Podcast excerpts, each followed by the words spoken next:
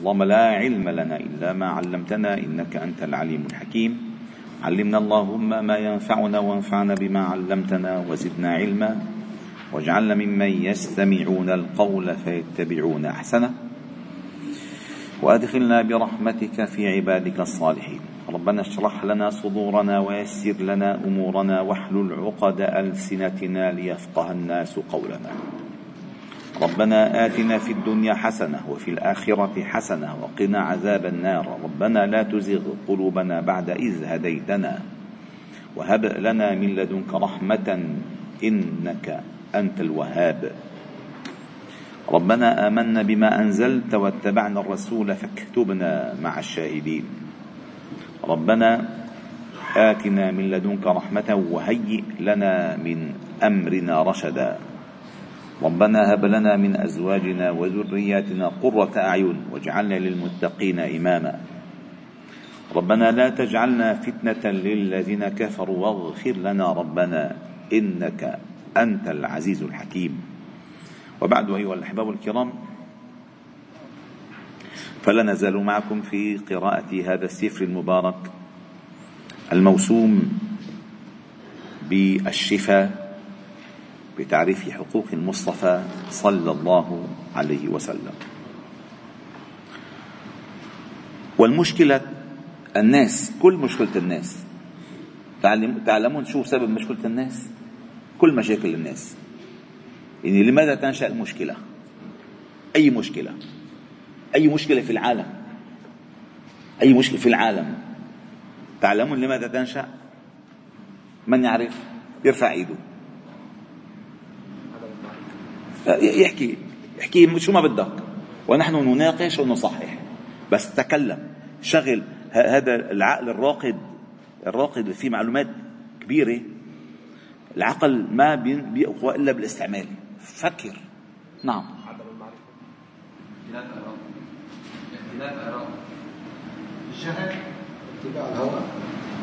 كله صح. كله صح. كله صح. بس أنا بدي حدا يجاوب مثل ما أنا حكيت. حقوق.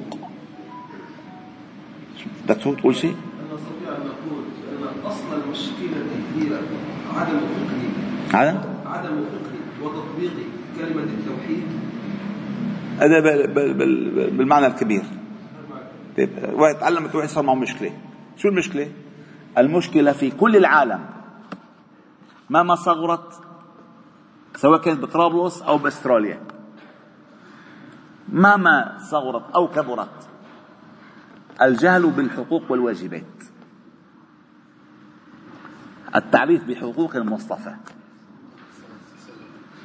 الجهل بالحقوق والجهل بالواجب يعني أن تجهل ما عليك وأن تجهل ما لك. تقع المشكلة. فورا تقع المشكلة. استعجل. لا العلم. العلم بالحقوق والعلم بما لك وما عليك؟ قال يا معاذ أتدري ما حق الله على العباد؟ وما حق العباد على الله؟ هذا أهم شيء. أن تعرف ما حق الله على العباد. أن تعرف الحقوق. ما الله لك؟ ما الله لك له عليك. ثم ما للوالدين له ما عليك. ثم ما للأولاد له ما عليك. لهم عليك. ثم ما لجارك له عليك. ثم ما ما ما حقوق ثم ما لهم عليك من واجبات. في حقوق في واجبات. عندما يعرف الإنسان الحقوق والواجبات ترتفع المشاكل. من أدى ما عليه وطالب بما له بهدوء لن يصل إلى المشكلة. لن يصل إلى المشكلة الإمام الإمام أبو الفضل قاضي عياض أراد أن أن ينجي أو أن يساعد الناس على عدم الوقوع بالفتن بالفتن بأن يعرفوا حقوق النبي صلى الله عليه وسلم. فإذا عرفوا حقوقه وأدوها وراعوها لن تقع ولن تصل إليهم فتنة. هم في عصمة. فليحذر الذين يخالفون عن أمره أن تصيبهم فتنة أو يصيبهم عذاب أليم. وموضوع الفصل اليوم هذه المسألة وهي هذا مجلسنا الخامس والأربعون.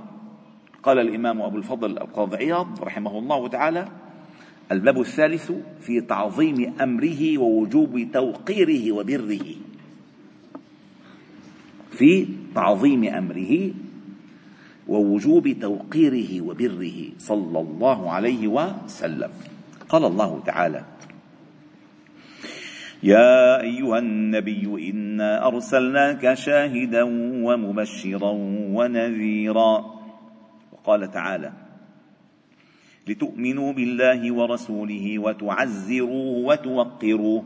وقال تعالى يا أيها الذين آمنوا لا تقدموا بين يدي الله ورسوله. وقال تعالى يا أيها الذين آمنوا لا ترفعوا أصواتكم فوق صوت النبي ولا تجهروا له بالقول كجهر بعضكم لبعض أن تحبط أعمالكم وأنتم لا تشعرون إن الذين يغضون أصواتهم عند رسول الله أولئك الذين امتحن الله قلوبهم للتقوى لهم مغفرة وأجر عظيم.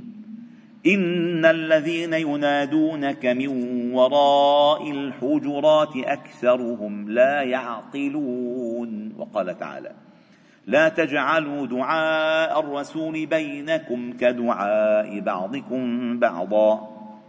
هذه المعالم الكبيرة في معرفة حقوقه علينا ومعاملتنا إياه بهذه الطريقة.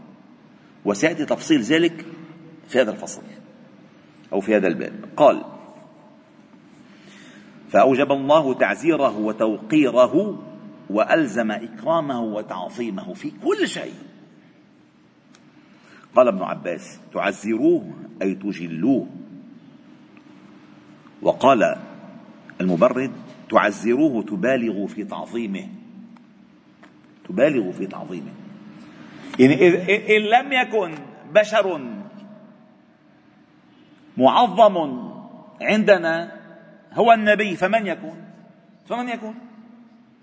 من يكون؟ اولا لماذا يعظم؟ لأن الله اصطفاه. فتعظيمه لاصطفاء الله إياه.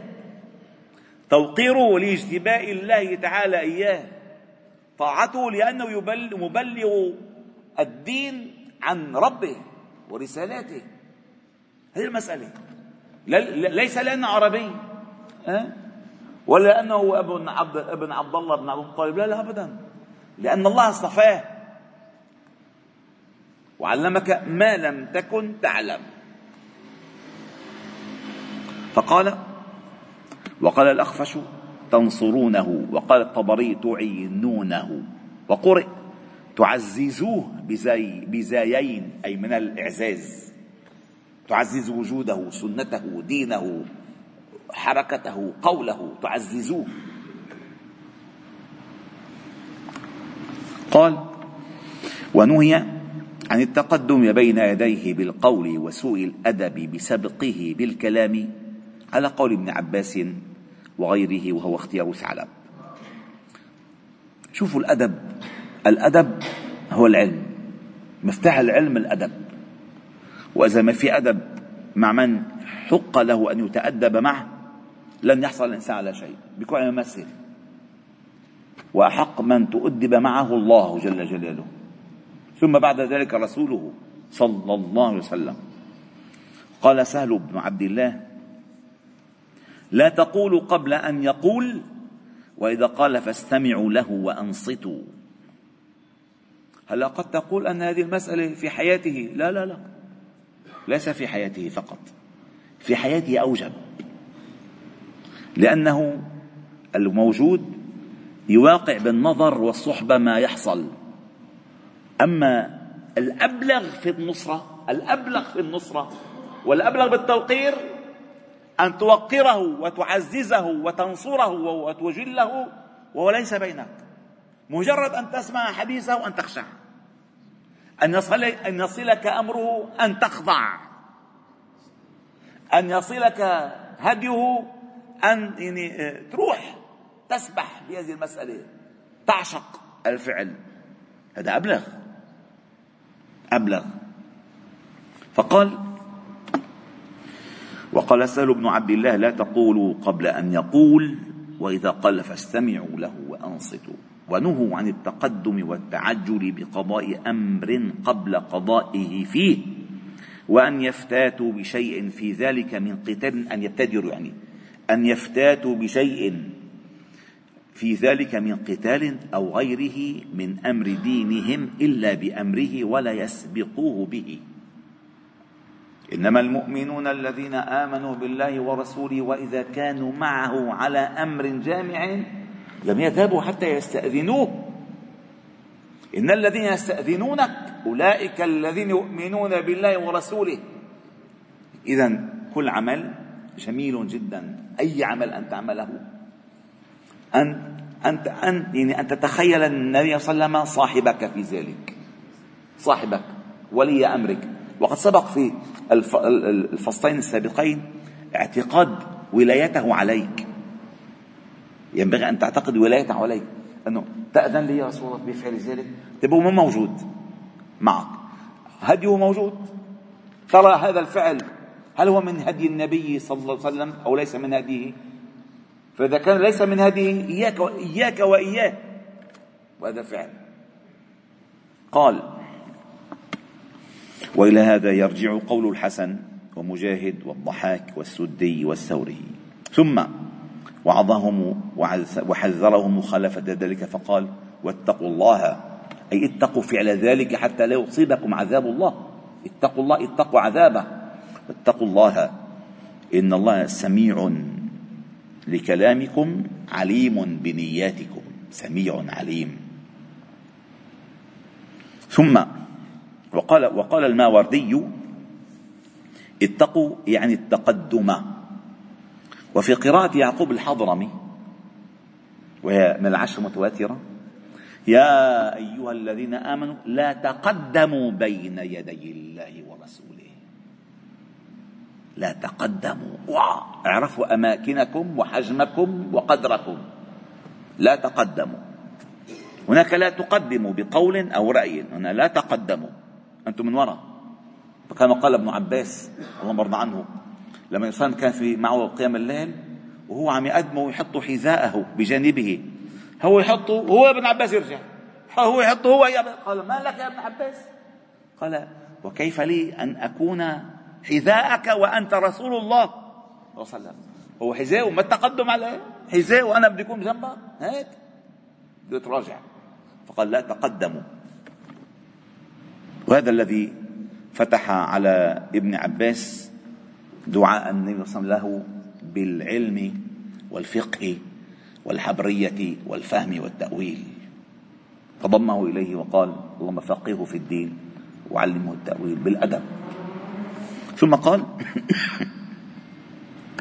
وقال السلمي اتقوا الله في إهمال حقه وتضييع حرمته إنه سميع لقولكم عليم بفعلكم. ثم نهاهم عن رفع الصوت فوق صوته. والجهر له بالقول كما يجهر بعضهم, بعضهم لبعض ويرفع صوته. أو قيل كما ينادي بعضهم بعضا باسمه. أحمد؟ كيف بقى أحمد؟ أعوذ بالله. شو رسول الله صلى الله عليه وسلم. الله تعالى ما خطبه باسمه. يا يا أيها الرسول يا أيها النبي وما خطب أحدا من الأنبياء إلا باسمه. يا موسى. أه؟ يا عيسى أنت قلت أما النبي ما قال يا محمد ولا إيه يا محمد؟ إلا يا أيها النبي ويا الرسول أنت بتروح تقول يا محمد؟ الأدب ثم قال وقال أبو محمد مكي أي لا تسابقوه بالكلام وتغلظوا له بالخطاب ولا تنادوه باسمه نداء بعضكم لبعض ولكن عظموه ووقروه ونادوه. بأشرف ما يحب أن ينادى به. يا رسول الله يا نبي الله. وهذا كقوله في الآية الأخرى لا تجعلوا دعاء الرسول بينكم كدعاء بعضكم بعضا. على أحد التأويلين. وقال غيره ولا لا تخاطبوه إلا مستفهمين. ثم خوفهم الله تعالى بحبط أعمالهم إنهم فعلوا ذلك وحذرهم منه. وقيل هذه الآية نزلت في وفد من بني تميم. وقيل في غيرهم أتوا النبي صلى الله عليه وسلم فنادوه يا محمد يا محمد اخرج إلينا. فذمهم الله تعالى بالجهل ووصفهم بأن أكثرهم لا يعقلون. وقيل نزلت الآية في محاورة كانت بين أبي بكر وعمر بين يدي صلى الله عليه وسلم واختلاف جرى بينهما حتى ارتفعت أصواتهما. والحديث صحيح. وقيل نزلت في ثابت بن قيس بن شماس خطيب النبي صلى الله عليه وسلم في مفاخرة في مفاخرة بني تميم وكان في أذنيه صمم. بتعرفوا يلي عنده ضعف سمع صوته يرتفع تلقائيا. هلأ مثلا حط أنت هيدفون على دينتك بفكر غيرك عم أنت عم تعيط بتقول عم تعيط؟ أنت ما عم تعيط. ولكن لأنك خرجت عن ضعف الصوت برا يرتفع صوتك تلقائيا. فمن كان عنده صمم يرتفع صوته تلقائيا. فهذا الرجل كان عنده صمم فيرتفع صوته لا إرادي يرتفع صوته. قال نعم. وقال كان في أذنيه صمم فكان يرفع صوته. فلما نزلت هذه الآية أقام في منزله وخشي أن يكون حبط عمله. ثم أتى النبي صلى الله عليه وسلم فقال يا نبي الله لقد خشيت أن أكون هلكت. فنهانا الله أن نجر بالقول وأنا امرؤ جهير الصوت. فقال له النبي صلى الله عليه وسلم يا ثابت أما ترضى أن تعيش حميدا وتقتل شهيدا وتدخل الجنة؟ فقتل يوم اليمامة. وروي أن أبا بكر لما نزل هذه الآية قال يا والله يا رسول الله لا أكلمك بعدها إلا كأخي السرار كيف عم سر اللحم لك شغلة بس. الله أكبر. وأن عمر كان إذا حدثه حدثه كأخي السرار ما كان يسمع رسول الله صلى الله عليه وسلم شيئا بعد ذلك حتى يستفهمه. شو عم بتقول يا عمر؟ يقول شالك قصة ناس. خشية أن يرتفع صوته, صوته. فأنزل الله تعالى فيهم إن مدحا مدحا بفعلهم. إن الذين يغضون أصواتهم عند رسول الله أولئك الذين امتحن الله قلوبهم للتقوى. لهم مغفرة وأجر عظيم. عكس من ينادونك من وراء الحجرات.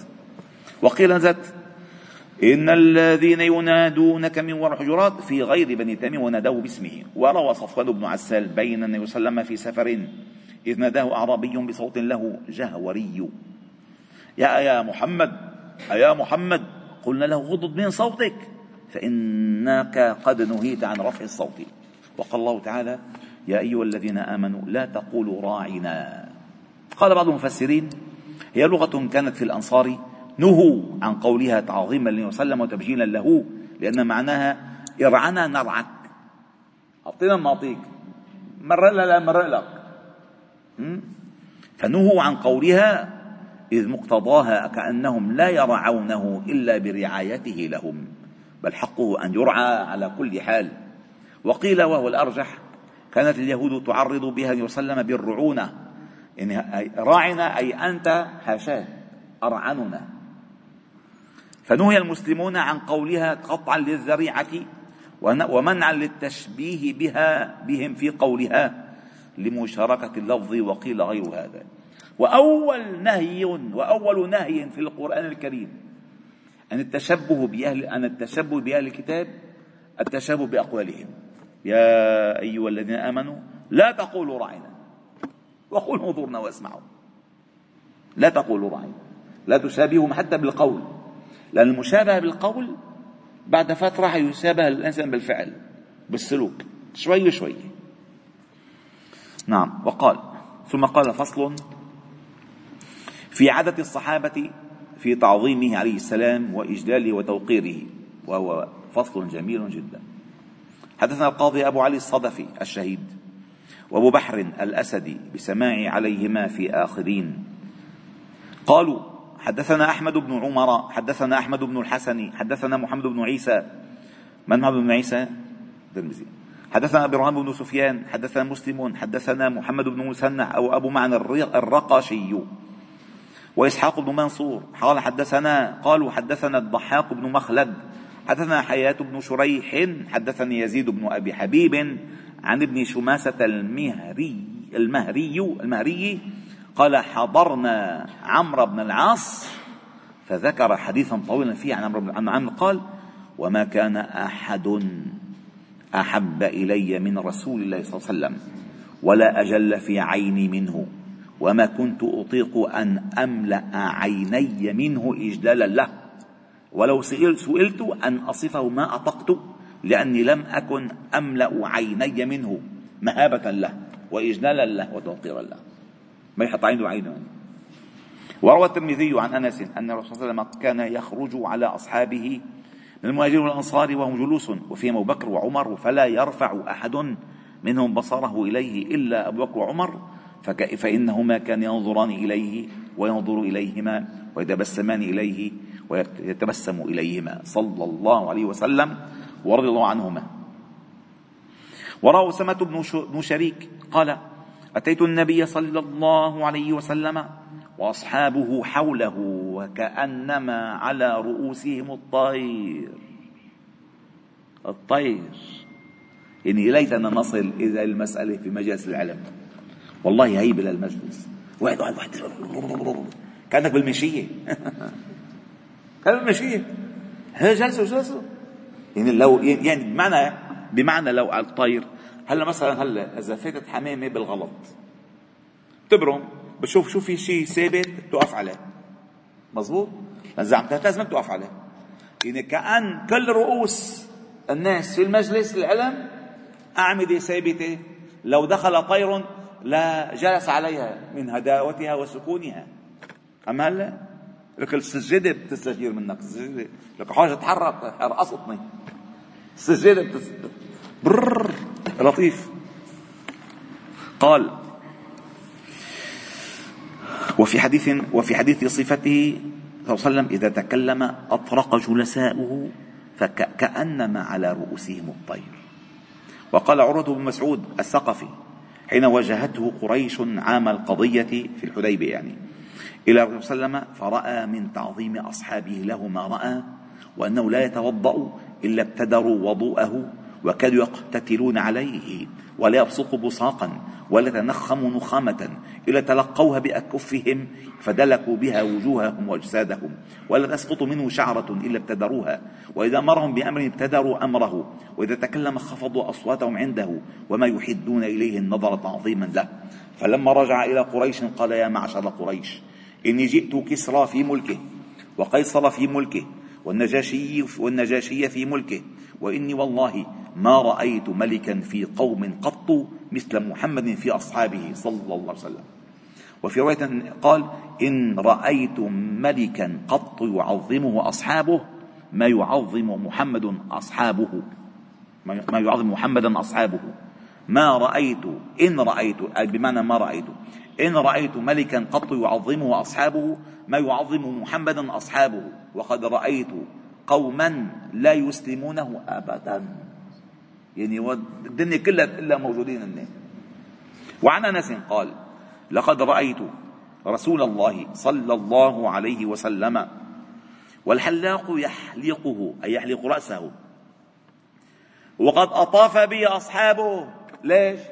قال فما يريدون أن تقع شعرة إلا في يد رجل. الله أكبر. تخيل هالمنظر أنت؟ صلى الله عليه وسلم. ومن هذا لما أذنت قريش هذا حديث صحيح مسلم. ومن هذا لما أذنت قريش لعثمان في الطواف بالبيت حين وجهه النبي صلى الله عليه وسلم إليهم في القضية أبى وقال ما كنت لأفعل حتى يطوف به رسول الله. صلى الله عليه وسلم. لأن هو الأصل هو هو الأصل. وفي حديث طلحة إن أصحاب صلى الله عليه وسلم قالوا لعربي جاهل سله عمن قضى نحبه وكانوا يهابونه ويوقرونه فسأله فعرض عنه إذ طلع طلحة فقال صلى الله عليه وسلم هذا ممن قضى نحبه رضي الله عنه. وفي حديث قيلة قال فلما رأيت صلى الله عليه وسلم جالسا القرفصاء أرعدت من الفرق وذلك هيبة له وتعظيما. لأن إذا رآه أول وهل بهابه وإذا خالطه أحبه. وفي حديث المغيرة كان أصحاب صلى الله عليه وسلم يقرعون بابه بالأظافير. بالأظافير. هلا فكر في شيء حريقة أو في شيء بوم بوم وقال البراء بن عازب لقد كنت أريد أن أسأل الرسول صلى الله عليه وسلم عن الأمر فأؤخره سنين من هيبته. وفي قال فصل. في تعظيم النبي صلى الله عليه وسلم بعد موته وعند ذكره وتعظيم أهل بيته وصحابته الكرام. واعلم أن حرمة النبي صلى الله عليه وسلم بعد موته وتوقيره وتعظيمه لازم كما كان في حال حياته. وذلك عند ذكره عليه السلام وذكر حديثه وسنته. وسماع اسمه وسيرته ومعاملة آله وعترته وتعظيم أهل بيته وصحابته. قال أبو إبراهيم إسحاق التجيبي واجب على كل مؤمن متى ذكره أو ذكر عنده أن يخضع ويخشع ويتوقر ويسكن من حركته ويأخذ في هيبته وإجلاله بما كان يأخذ به نفسه لو كان بين يديه ويتأدب بما أدبنا الله تعالى به. وقال القاضي أبو الفضل هذه وهذه كانت سيرة سلفنا الصالح وأئمتنا الماضين رضي الله عنهم أجمعين. حدثنا القاضي أبو عبد الله محمد بن محمد بن عبد الرحمن الأشعري وأبو القاسم وأحمد بن بقي الحاكم وغير واحد فيما أجازونيه. قالوا حدثنا أبو العباس أحمد بن عمر ابن دلهاث قال حدثنا أبو الحسن علي بن فهر حدثنا أبو بكر محمد بن أحمد بن فرج حدثنا أبو الحسن عبد الله بن المنتاب حدثنا يعقوب بن إسحاق بن أبي إسرائيل حدثنا ابن حميد قال ناظر أبو جعفر أمير المؤمنين مالكا في مسجد النبي صلى الله عليه وسلم. فقال له مالك يا أمير المؤمنين لا ترفع صوتك في هذا المسجد فإن الله عز وجل أدب قوما فقال لا ترفعوا أصواتكم فوق صوت النبي ولا تجهروا له بالقول. كجهر بعضكم لبعض أن تحبط أعمالكم وأنتم لا تشعرون. ومدح قوما فقال إن الذين يغضون أصواتهم عند رسول الله أولئك الذين امتحن الله بالتقوى لهم مغفرة أجر عظيم. وذم قوما فقال إن الذين ينادونك من وراء الحجرات أكثرهم لا يعقلون. وإن قول مالك وإن حرمته ميتا كحرمته حيا. صلى الله عليه وسلم. فاستكان له لها أبو جعفر وقال يا أبا عبد الله أستقبل القبلة وأدعو أم أستقبل وسلم وأدعو؟ فقال ولم تصرف ولم تصرف وجهك عنه ووسيلتك ووسيلة أبيك آدم عليه السلام إلى الله تعالى يوم القيامة؟ بل استقبله واستشفع به فيشف فيشفعه. والله تعالى قال الله تعالى ولو أنهم إذ ظلموا أنفسهم جاءوك فاستغفروا الله واستغفر لهم الرسول لوجدوا الله توابا رحيما. وقال مالك وقد سئل عن أيوب السختياني السختياني قال إني ما حدثتكم عن أحد إلا وأيوب أفضل منه. وقال وحج حجتين فكنت أرمقه ولا أسمع منه غير أنه كان إذا ذكر وسلم بكى حتى أرحمه. فما رأيت منه ما رأيت وإجلاله للنبي صلى الله عليه وسلم كتبت عنه. فلما رأيت لما رأيت ما رأيت علمت أنه هو أهل يؤخذ العلم منه. وقال مصعب بن عبد الله كان مالك ابن أنس إذا ذكر النبي صلى الله عليه وسلم يتغير لونه وينحني حتى يصعب ذلك على جلسائه. فقيل يوما في ذلك فقال لو رأيتم ما رأيت لما أنكرتم علي ما ترون. ولقد كنت أرى محمد بن المنكدر وكان سيد القراء.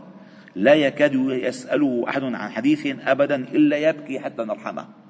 ولقد كنت أرى جعفر بن محمد جعفر بن محمد الصادق. وكان كثير الدعابة والتبسم. في طبيعته يحب الدعوة والتبسم. فإذا ذكر عنده النبي صلى الله عليه وسلم اصفر. وما رأيت يحدث صلى الله عليه وسلم إلا على طهارة. وقد اختلفت إليه زمانا فما كنت أراه إلا على ثلاث خصال. إما مصليا وإما صامتا وإما يقرأ القرآن. ولا يتكلم فيما لا يعنيه وكان من العلماء والعباد الذين يخشون الله عز وجل. ولقد كان عبد الرحمن ابن القاسم ابن محمد ابن الصديق من فقهاء المدينة من فقهاء المدينة. فيذكر النبي صلى الله عليه وسلم فينظر إلى لونه فينظر إلى لونه كأنه نزف منه الدم. ولقد جف لسانه في فمه هيبة للنبي صلى الله عليه وسلم. ولقد كنت آتي عامر بن عبد الله ابن الزبير فإذا ذكر النبي صلى الله عليه وسلم بكى حتى لا يبقى في عينيه دموع. ولقد رأيت الزهري وكان من أهنأ الناس وأقربهم يعني معشرا. فإذا ذكر عنه صلى الله عليه وسلم فكأنك فكأنه ما عرفك ولا عرفته. ولقد كنت آتي صفوان ابن سليم وكان متعبدين المجتهدين. فإذا ذكر عنه النبي صلى الله عليه وسلم بكى فلا يزال يبكي حتى يقوم الناس عنه ويتركوه وروي عن قتادة أنه كان إذا سمع الحديث أخذه العويل والزويل. شو شو هو الزويل؟ القلق والانزعاج. العويل الصوت والزويل انكمش قلق صار قلق مضطرب. ولما كثر على مالك الناس قيل له لو جعلت مستمليا يسمعهم. شوفوا هالأدب. الناس كثروا. واللي قاعد ورا ما عم يسمع. ما كان في ميكروفونات. ها؟ ما كان في ميكروفونات. فلما قال إيه؟ كثر على ملك الناس. وهو فقير المدينة أهل المدينة. قال قل لو جعلت مستمليا يسمعهم. فقال قال الله تعالى يا أيها الذين لا ترفعوا أصواتكم فوق صوت النبي. الله أكبر. وحرمته حيا وميتا سواء. وكان ابن سيرين ربما يضحك. فإذا ذكر عليه وسلم خشع. وكان عبد الرحمن بن مهدي. إذا قرأ حديث النبي صلى الله عليه وسلم أمرهم بالسكوت وقال لا ترفعوا أصواتكم فوق صوت النبي. ويتأول أنه يجب له من الإنصات عند قراءة حديثه ما يجب له عند سماع قوله. شفتوا الآداب؟ شوفوا. هذا لازم ينقروا كل يوم في سماع مجالس الحديث النبوي. مسلم موطأ مالك البخاري مسلم الترمذي ابن ماجه ابن داود والنسائي. المجلس بيخشع. هيك أفضل في سيرتي إن شاء الله بنحطهم على المجموعة هال قبل بداية صحيح مسلم إن شاء الله تعالى. فصل. هذا الفصل نبدأ به إن شاء الله غدا بعون الله وتوفيقه. والحمد لله رب العالمين. سبحانه وبحمدك أشهد أن لا إله إلا أنت. نستغفر ونتوب إليك. وصلي وسلم وبارك على محمد وعلى آله وأصحابه أجمعين. والحمد لله رب العالمين.